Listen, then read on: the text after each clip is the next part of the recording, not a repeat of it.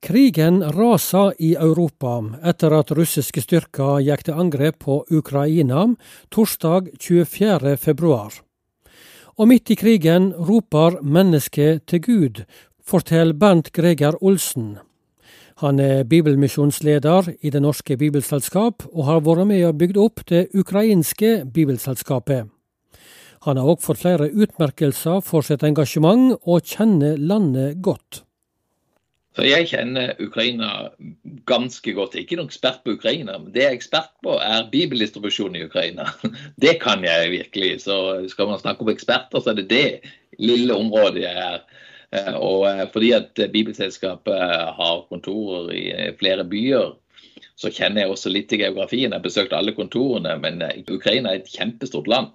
Så jeg har ikke vært i alle kriker og kroker, men jeg har vært mange steder i landet. Ja, Over 100 turer til Ukraina? Det blir godt over 100 turer. Og eh, det fleste av de har nok vært til hovedstaden Kiev, men eh, vi besøkte stadig, for jeg har vært med å bygge opp eh, våre kontorer både i Kharkiv, i Kherson og i Lviv, i tillegg til, til Kiev. Men Kiev er det klart det stedet jeg oftest, for det er der vi koordinerer arbeidet. Og for sitt engasjement i Ukraina har Bernt Greger Olsen fått utmerkelser fra kirka og myndigheter bl.a. som æresdoktor, og i 2019 fikk han det ukrainske kulturdepartementet sin fortjenestemedalje for aktiv rolle i utvikling av kultur og åndelighet. Og det som nå skjer i landet, det gjør vondt, forteller han. Altså, det har gjort vondt i magen. Og jeg, det, det, er som det skulle være mine egne barn, føler jeg, som skulle være under angrep. Og det, det oppleves. Det, ja, ja, Det oppleves fryktelig vondt, og det er, eh, det er, tungt å vite hva de opplever akkurat nå. og Den frykten de føler på.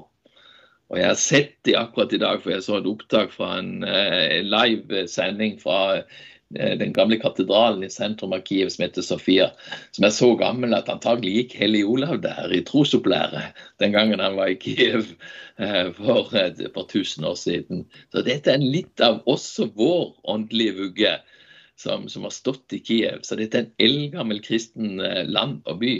Eh, som det har vært egentlig nære forbindelser mellom oss som nasjoner i tusen år. Og så opplever vi dette akkurat nå. Det er en tragedie. Men eh, Derfor var det så symbolsk når de i dag Det var faktisk presidenten som oppfordret alle kirkene til å komme sammen. Jeg så de, Lederne for kirkesamfunnet de er fremdeles i Kiev. De sto og ba i sentrum i Kiev i dag. Et sentrum som er under bombardement og angrep. Der står de og ber sammen. Hva kontakt har de i Bibelselskapet i Norge med deres eh, kollegaer i Bibelselskapet i Ukraina nå om dagen? Ja, Vi forsøker jo å snakke med dem så ofte som vi kan. og så ofte som Det må håper jeg, passe med for ikke å plage dem med for mange telefoner og samtaler. Men de setter stor stor pris på å vite at vi er der for dem, at vi ber for dem. At vi eh, snakker om deres sak. Snakk om oss, snakk sant, sier de. Fortell verden hva som skjer. Det de er opptatt av og så si og hils til dem at vi trenger bibler. For vi, eh, vi, trenger virkelig Guds ord, og ikke minst i denne situasjonen så, så trenger vi Guds ord for å kunne, kunne nå inn til, eh, til, til, til, det som er menneskets dypeste åndelige behov. Og så kan noen kanskje synes at det høres underlig ut at vi snakker bibler når, vi, eh, når, når det dreier seg om, om, om en nødsituasjon. Men er ikke dette eksistensielt? Det er, det er, når det er eksistensielt at eh, mennesker virkelig opplever at de, de trenger Guds ord, og at de møter Gud. Og som en høy offiser sa til oss for eh, bare noen uker siden, at når vi står ute i skyttergravene, da finnes det ingen ateist. Jeg tror ikke du finner en ateist i tilfluktsrommene i Kiev eller Helson, eller knapt i Kharkiv heller. Eh, i denne situasjonen. Nå ber alle, nå tror alle, nå roper de til Gud i sin nød. Hvordan eh, klarer dere å jobbe med distribusjon av bibler eh, nå når krigen raser?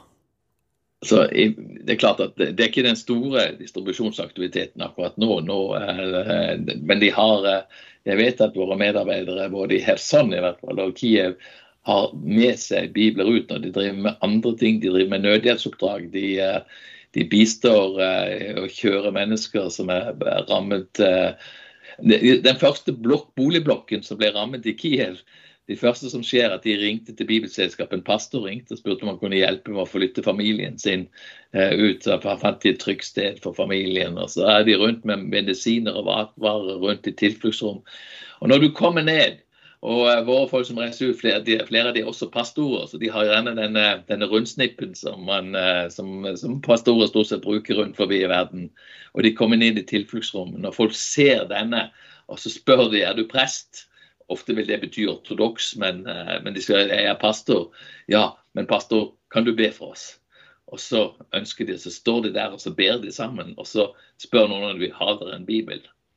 Så har de, forsøker de å ha med seg ut nok, men, eh, men, men, det er jo ikke snakk om å ha nok til dette. Men de forsøker å gi ut på militære kontrollposter for det samme. Kan dere be for oss?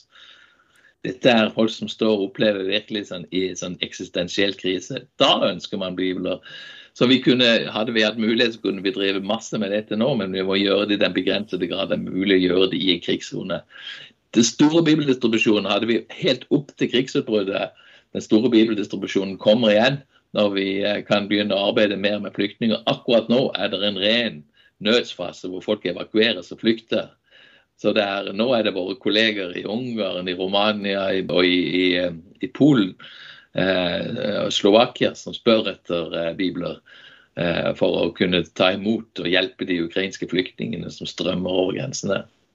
Hvis vi ser litt sånn generelt når det gjelder Ukraina, hvor viktig er trua på den eh, bibelske Gud for folk i landet? Hva kan du si eh, generelt om det? Jeg tror kanskje det er sånn, eh, det er et litt vakuum i Norge i kunnskapen om Ukraina. Jeg har mange ganger sagt til norske kristne ikke se til USA når dere skal ha idealer, se til Ukraina. Ukraina er, er, Europas egentlig åndelige senter. Det har vært en så vekkelse, står sterke kirker, bygget opp en masse kirkelig arbeid. Bygget over 30 000 menigheter i løpet av disse årene som er gått fra 1990, da åpningen kommer, fram til nå og har blitt mye sterkere. Det Folk flest vet ikke at det er flere kirker i Ukraina med 44 millioner innbyggere enn det er i hele Russland med 130 millioner innbyggere. Det er, ikke, det er ikke Russland som er den store ortodokse kirken, det er Ukraina som har den store ortodokse kirken. Riktignok delt i to, men, men det, det, er de.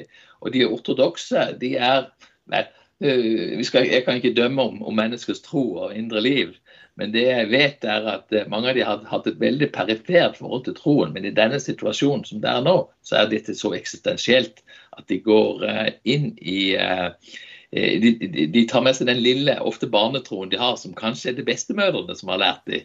Så tar de det med seg inn. Og etter hvert så ser vi litt sånn overraska. Det har av og til vært innom oss og sett opp.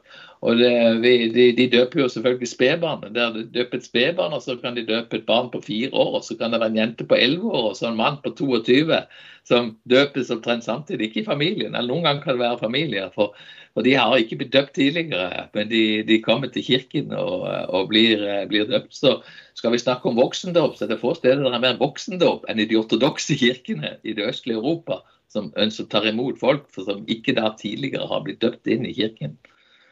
Du, Nå om dagen så blir det ofte oppfordra til å be for eh, situasjonen i Ukraina. Hva vil du si, eh, som kjenner landet så godt som du gjør, hva betyr det nå?